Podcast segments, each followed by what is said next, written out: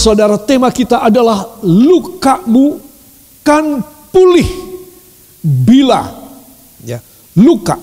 Saya mungkin tidak ada luka ya saudara. Mungkin saudara juga tidak ada, tidak ada luka yang terbuka. Tetapi luka ini luas sekali maknanya. Ya, semua luka adalah kesempatan virus, bakteri, baksil, kotoran masuk. Semua luka. Karena dia terbuka. Dia tidak semestinya terbuka. Namun dia terbuka. Jadi terjadilah luka. Saudara, kalau tidak dirawat, apa yang terjadi? Ya, terjadi infeksi, peradangan. Kalau tidak dirawat orang yang sedang meriang dan dan peradangan ini, apa yang terjadi? Infeksinya merambat ke mana-mana.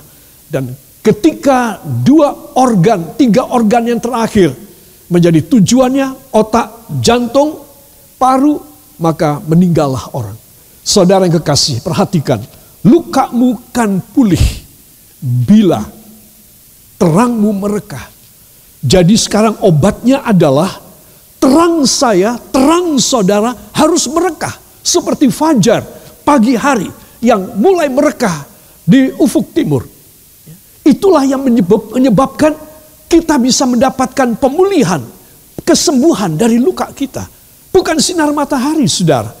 Seperti yang sekarang ini dicari oleh hampir seluruh orang sejagat ini. Mencari sinar matahari di garis lintang katulistiwa berapa derajat, harus jam berapa, berapa lama. Orang yang berkulit terang dengan orang berkulit gelap beda. Menitnya tidak boleh lebih daripada semestinya. Nah itu sudah bukan kita punya domain saat ini.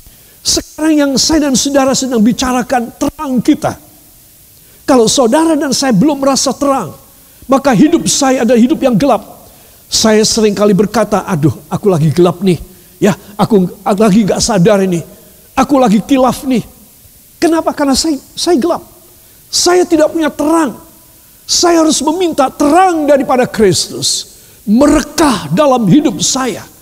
Bukan orang lain yang menjadi terang. Sayanya, sayanya, saudaranya yang menjadi terang. Terang saya dan saudara yang merekah inilah yang menjadi pemulih obat bagi semua luka yang terjadi dalam hidup kita.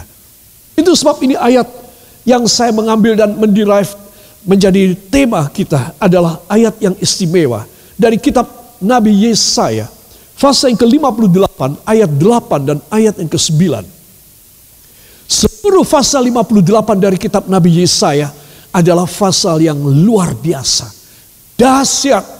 Mampu membuat kebangunan rohani di dalam Israel dan Yehuda. Dan bahkan orang-orang kafir yang belum mengenal Allah Yehova. Mereka semua pada takut dan mengenal kepada Tuhan. Saudara, didahului dengan pertobatan seorang yaitu Kores pada pasal 54 dari Yesaya. Saudara, pasal 58 luar biasa. Dan kalau saya dan saudara mempunyai terang daripada Allah, ya, pada perjanjian baru ini terang daripada Kristus dalam hidup saya, dalam hidup Anda, maka apa yang akan terjadi dalam hidup kita? Kita tidak akan menyisakan luka. Saya ulangi, engkau tidak akan mempunyai luka lagi. Orang mencoba untuk menusuk kepadamu. Perasaanmu mau dihancurkan. Banyak istri yang mengatakan, Suami saya sengaja menyakiti saya. Seperti yang engkau mau ditusuk dengan pisau belati. Dengan stiletto. Saudara, engkau tidak bisa. Engkau kebal. Ya saudara, apa maksudnya ini? Ayat ini, ini ayat luar biasa. Tidak ada satu keadaan, tidak ada satu oknum manusia pun yang bisa menyakiti engkau. Dan tidak ada satu keadaan sekalipun yang bisa membuat engkau meradang akibat dari lukamu itu. Saudara, akan menjadi peradangan, infeksi, dan lain sebagainya. Pada ujungnya kematian yang sia-sia. Sebenarnya Tuhan mau memberi obat, mau memulihkan. Namun saya dan saudara masih menahan gengsi kita orang.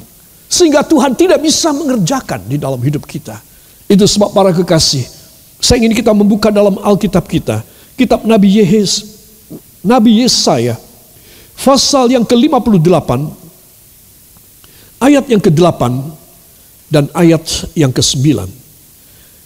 Nabi Yesaya pasal yang ke-58 ayat 8 dan ayat yang ke-9 para kekasih. Pada Alkitab saya halaman 1027 perjanjian lama. Saya ingin saudara semua membaca di rumah saudara dengan suara yang nyaring ya. Dan saudara akan melihat ayat-ayat ini dahsyat banget ya. Mari kita akan mulai.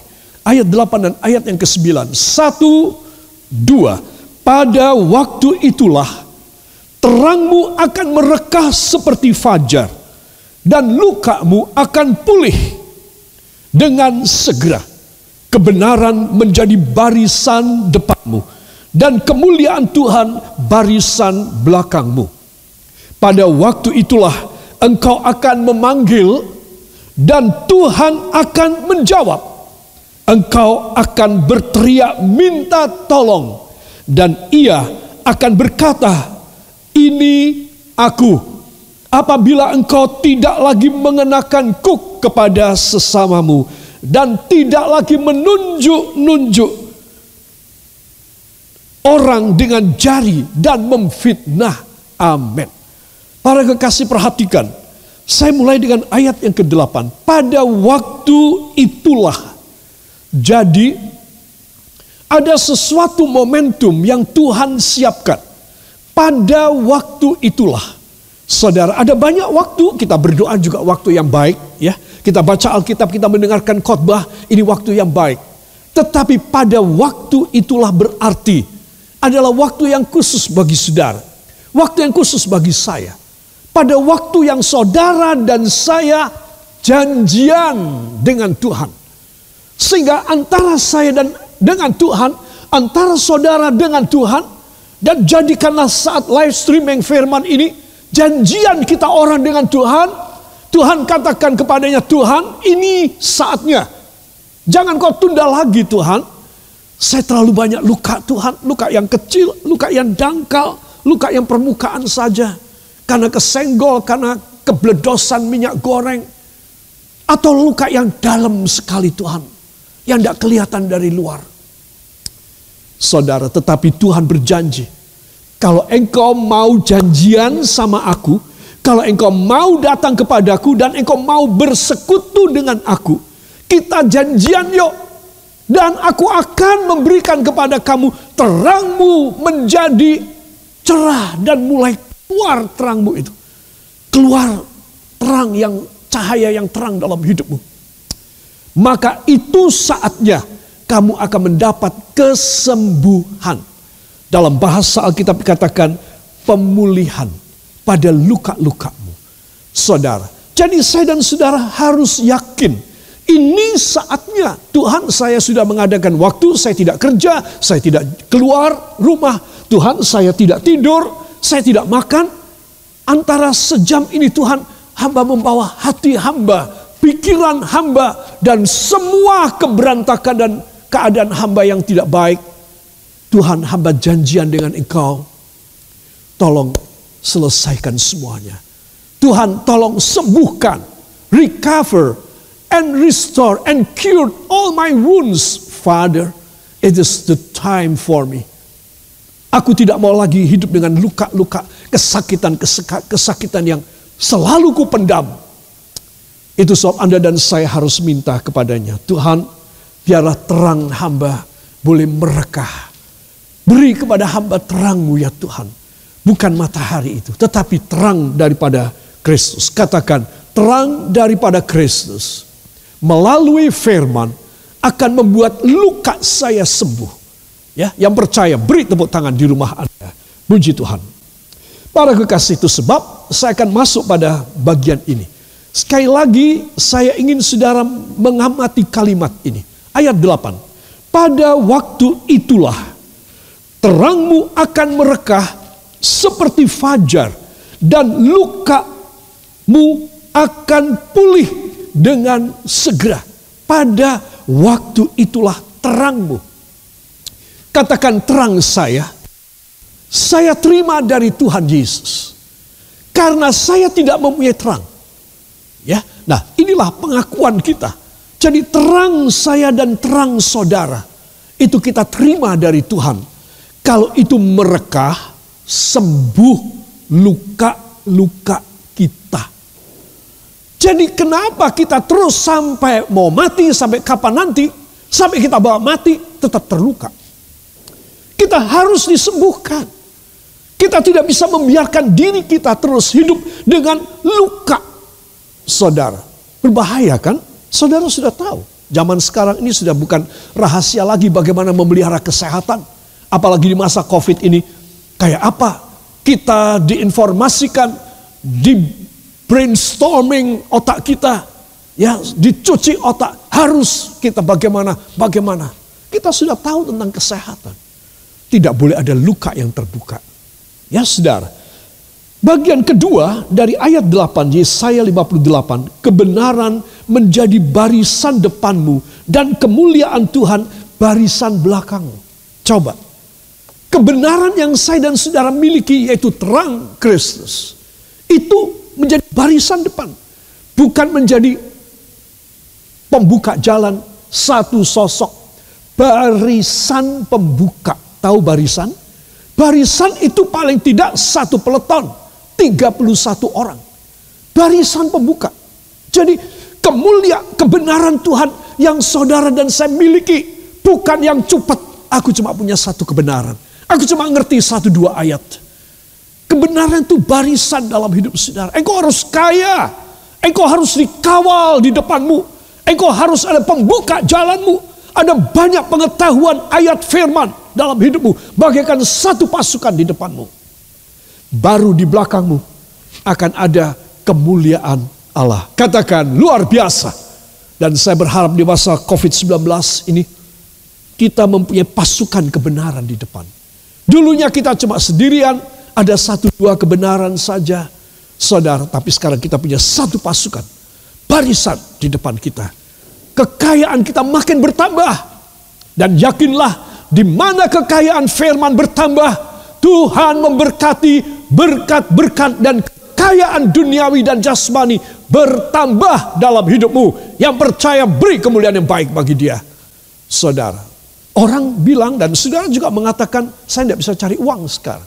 Tabungan saya dikuras terus sampai hari. Ini sudah berapa bulan ini? Saudara, saudara mengatakan rugi kan? Tetapi kalau saudara mempunyai barisan kebenaran, di dalam hidup saudara. Engkau akan diberi kekuatan ilahi. Dan istimewa, engkau tidak akan dibiarkan being hurt, terluka, tersakiti dalam hidupmu. Katakan luar biasa. Itu sebab anak-anak Tuhan perhatikan. ya Ayat ini ayat yang luar biasa. Saudara ini ayat 8. Ayat yang ke-9. Pada waktu itulah engkau akan memanggil dan Tuhan akan menjawab saudara. Pada waktu apa? Jangan lupa tadi ayat 8. Pada waktu terang kita merekah. Terus pada waktu saya dan saudara memantulkan sinar kemuliaan Allah dalam hidup kita. Pada waktu itulah kalau engkau berdoa, kalau engkau minta tolong, kalau engkau memanggil Tuhan, engkau pasti dijawab oleh Tuhan. Berarti kalau engkau memanggil dia di dalam suasana yang terang benderang dari Allah. Kemuliaan Allah barisan kebenaran ada padamu. Engkau minta apa pun saja diberi kepada Bapa oleh Bapa. Jadi saudara mesti tahu pada waktu itulah juga ayat 8 pada waktu terangmu merekah. Ayat 9 pada waktu itulah kalau engkau memanggil aku, aku akan menjawab kepada kamu. Kiranya di masa COVID-19 ini, kita mempunyai terang daripada Allah. Supaya di masa ini kita sewaktu-waktu dalam keadaan apa pun kita berseru. Kita memanggil dia. Dia menjawab kepada kita. Jangan sudah kita mengalami keadaan demikian. Persediaan uang makanan dan lain sebagainya, kesempatan untuk sukses, segala macam opportunity di depan kita sudah tertutup semuanya rasanya. Kita mau bergerak gimana, tidak boleh keluar, tidak boleh. Surat izinnya susah sekali ngurusnya. Itu sebab banyak yang nekat. Mungkin mereka punya pikiran nyawaku double. Ya saudara, para kekasih perhatikan. Mereka tidak punya rahasia ini. Anda dan saya punya rahasia ini. Itu sebab kalau saudara dan saya mempunyai kebenaran Tuhan yang merekah dalam hidup saudara. Satu barisan di muka kita. Apa yang saya dan Anda mesti tangisi. Apa yang Anda dan saya mesti khawatir. Tidak ada yang bisa mengkhawatirkan engkau. Itu sebab sudah jalannya Tuhan. Sambil Tuhan menghukum kecil dunia. Seluruh dunia, seluruh globe ini. Mengalami COVID-19 bingung tidak karu-karuan. Saudara, para ahli sebagian sudah hands up, sudah angkat tangan. Ahlinya aja sudah bilang begitu. Ya saudara, tenaga orang, dokter, para medis, semua yang sudah ditambah sukarelawan yang tidak punya latar belakang medis sekalipun dikerahkan. Semua negara melakukan. Dan sudah capek. Saudara yang kekasih, tagar kita menyerah, sudah banyak pengikutnya. Saudara, bagaimana kalau saudara dan saya sebagai anak Tuhan yang mempunyai perjanjian dari Allah, yang mempunyai hadirat Tuhan, sewaktu-waktu saya dan saudara boleh ketemu Dia, kita juga kayak mereka. Bagaimana? Itu sebab inilah waktunya saudara menunjukkan terangmu yang luar biasa dari Kristus. Supaya apa? Supaya engkau kasih tunjuk. Justru di masa COVID ini aku sembuh loh. Aku tidak punya luka. Aku bisa dijawab doa-doaku. Ya, justru pada saat inilah. Itu sebab para kekasih, saya ulangi kalimat ini. Pada waktu itulah engkau akan memanggil dan Tuhan akan menjawab. Engkau akan berteriak minta tolong. Dan ia akan berkata, ini aku. Ya, aku ini, aku sekarang hadir. Ya kamu teriak, kenapa?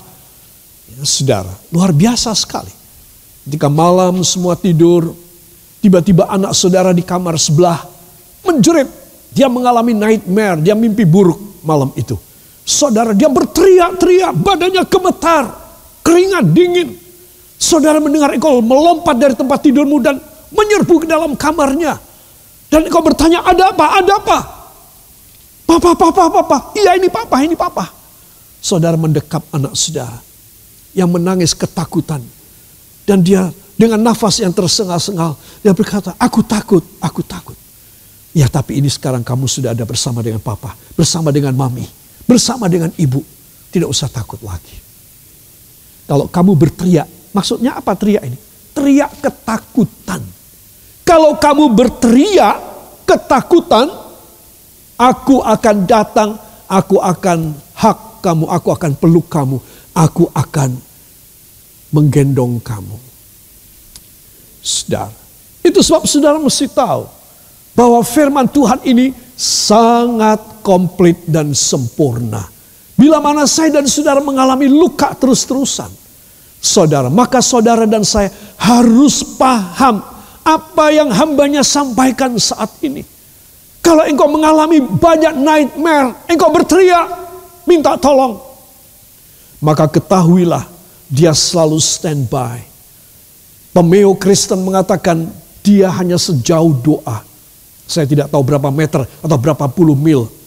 Tapi sejauh doa maksudnya ketika engkau berteriak, dia datang kepadamu. Dan inilah yang menjadi hadiah orang yang percaya kepada Kristus ya. Apabila engkau tidak lagi mengenakan kuk kepada sesamamu. Kuk adalah beban. Ya. Beban juga pemerintahan yang berat. Seperti kuda, sapi, kerbau yang ada kuknya. Ya, ada kuknya pada lehernya, pada pundaknya. Saudara, dia harus menarik, dia harus mengangkat beban. Saudara, dan engkau tidak menunjuk-nunjuk orang dengan jari dan memfitnah. Saudara yang kekasih, ayat pendahuluan kita panjang sekali. Dan maknanya dowo banget. Supaya apa? Supaya kita orang ini jelas. Ya, parameternya, kisi-kisinya itu ada. Supaya Anda dan saya bisa mengalami pertolongan ilahi yang luar biasa. Anakku kamu sedang ini, aku siap. Kamu sudah begini, aku ada. Kamu sampai terluka, aku siap pulihkan. Kamu dalam keadaan yang menjerit, ketakutan, aku siap. Ini aku. Jadi, dengan pendahuluan saja, tidak ada satu orang anak Tuhan pun di masa ini yang boleh ketakutan terus. Tapi dia semakin mantap. Tuhan, hamba percaya tidak lama kalau ini semua selesai, engkau akan mencurahi hamba dengan segala anugerah yang luar biasa. Hamba menyimpan kebenaranmu bagaikan barisan pasukan di depan hamba. Hamba tidak miskin lagi. Hamba tidak cepat lagi dengan ayat firman. Hamba banyak ayat kebenaran. Gara-gara covid ini Tuhan. Dan hamba akan menjadi kaya di dalam kebenaranmu. Yang mau beri tepuk tangan bagi dia. Puji Tuhan. Kapan terang kita merekah? Saudara, terang kita merekah pertama karena kita mempertahankan hubungan yang baik dengan Tuhan. Sehingga apa yang terjadi? Sehingga yang terjadi adalah saya dan Anda ini selalu dekat dengan Dia. Ya, sehingga kita tidak lagi tidak sempat, saya ulangi, tidak sempat masuk di dalam kegelapan karena kita selalu bersama dengan dia. Ya. We have always our fellowship and relationship so closely, so intimate with him. So that we are in the light of Jesus Christ. Sehingga terangnya ini menjadikan kita selalu sembuh, selalu sembuh. Baru luka sedikit kegores, sembuh. Saudara menyenangkan ya kalau saudara punya imunitas, saudara mempunyai kadar pengentalan darah yang normal, luka keluar darah sebentar, sudah tutup. Gak usah dikasih obat. Kalau perlu cuma ludah aja lelet. Udah selesai. Karena ludah saudara adalah antiseptik. Saudara. Dan kemudian cepat dia tidak keluar terus. Kenapa? Karena dia netral, dia baik, dia sehat. Dan dia imun. Ya, Faktor pengentalan darahnya pas banget. Sebentar berdarah, sebentar tutup sudah. Saudara, apa sebab ini orang sehat? Coba kalau saya sakit-sakitan, bisa kayak begitu? Luka terus-terusan. Oh, faktornya banyak. Ya, saudara. Kadar gula dan lain sebagainya. Ya, karena saya tidak imun, karena saya tidak mempunyai hormon yang bisa mencegah terjadi terjadi tidak ada pembeku darah saya. Wah repot saya. Luka sedikit aja, terus saja keluar. Tutup, tetap juga merebes. Bahaya kan? Saudara, kalau saudara dan saya hubungannya dengan Tuhan tidak bagus.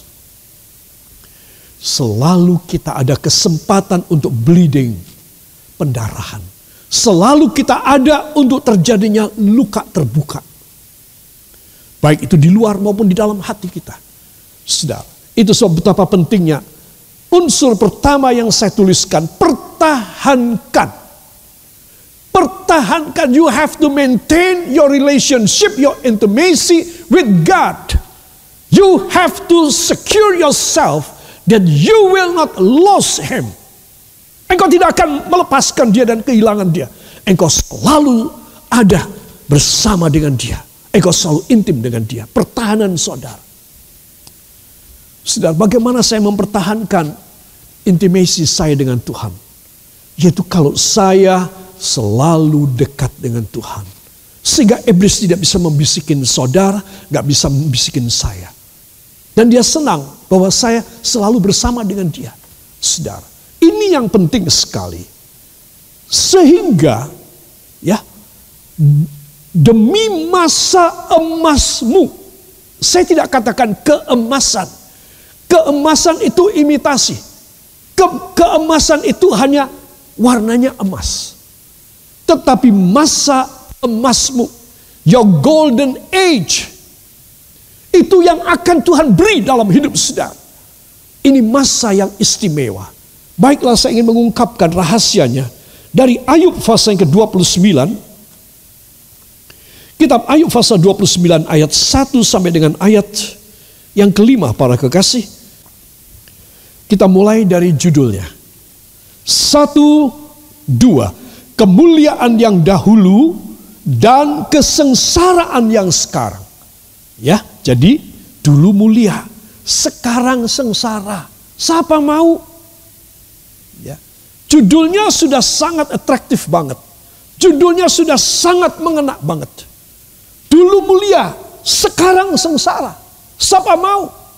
Ayo kita baca ayat 1. 1, 2. Maka Ayub melanjutkan uraiannya. Ah, kiranya aku seperti dalam bulan-bulan yang silam. Seperti pada hari-hari ketika Allah melindungi aku. Ketika pelitanya bersinar di atas kepalaku. Dan di bawah terangnya aku berjalan dalam gelap. Seperti ketika aku mengalami masa remajaku ketika Allah bergaul karib dengan aku di dalam kemahku. Ketika yang maha kuasa masih beserta aku, saya ulangi, ketika yang maha kuasa masih beserta aku. Dan anak-anakku ada di sekelilingku. Amin. Saudara, ngenes ya, tahu ngenes enggak? Ngeres ya, sungguh-sungguh tidak menyenangkan. Sungguh tidak enak, tidak bagus sama sekali. Tetapi ini dari judulnya yang ditulis sudah ketahuan. Seluruh pasal 29 ini isinya kayak apa? Penyesalan. Luka yang dalam. Luka yang abses dari Ayub. Saudara Ayub dulu berkata, yang kita baca dulu Aku happy banget. Sebelum masa ini, hari-hariku, bulan-bulanku luar biasa sekali. Ketika terang Tuhan menudungi hidupku sehingga aku berjalan gelap sekalipun no problem. Aku tidak akan aku tidak akan terjungkal, aku tidak akan terjerembab, aku tidak akan terjun ke lembah. Gelap sekalipun terang Tuhan itu ada padaku. Aku teringat masa itu. Ketika terangku bercahaya. Sekarang aku padam. Sudah tidak punya lagi. Pada waktu terang Tuhan itu bercahaya dalam hidupku. Dia menyaksikan pasal 29. Ayub berkata. Wah. Menyenangkan sekali semuanya. Semuanya happy dan running well semuanya. Tapi sayang tiba-tiba malapetaka ini datang. Oh ya itu pastor benar demikian. Sebelum covid ini saya senang sekali. Untungnya banyak. Ya produksi saya luar biasa. Pesanan hebat sekali. Booming banget. Orang antri mau beli segala produk saya. Tetapi sekarang ya ampun Tuhan. Semuanya entek. Semuanya tidak ada yang mau menengok. Tidak ada yang mau ngelirik lagi. Kira-kira kalau saudara mengatakan demikian mirip ya, mirip dengan pengakuan daripada Ayub. Saudara, apa sebabnya? Sekarang terangku sudah pudar. Dulu terangku menyala luar biasa. Aku jalan di gelap pun no problem. Aku mempunyai terang dari Tuhan melingkupi hidupku. Sehingga gelap menjadi terang. Semuanya menjadi happy. Saudara yang kekasih, perhatikan. Contoh ini, ilustrasi ini sama mirip dengan keadaan kita. Itu sebab begitu banyak orang berkeluh kesah saat ini. Anak-anak Tuhan, engkau tidak boleh berkeluh kesah. Engkau harus melihat di balik semua keadaan yang tidak baik. Di balik semua sikon yang negatif. Bahkan di balik segala prahara yang kau alami. Di dalam keluarga Engkau harus melihat di balik itu semuanya. Oh ada maksud Tuhan.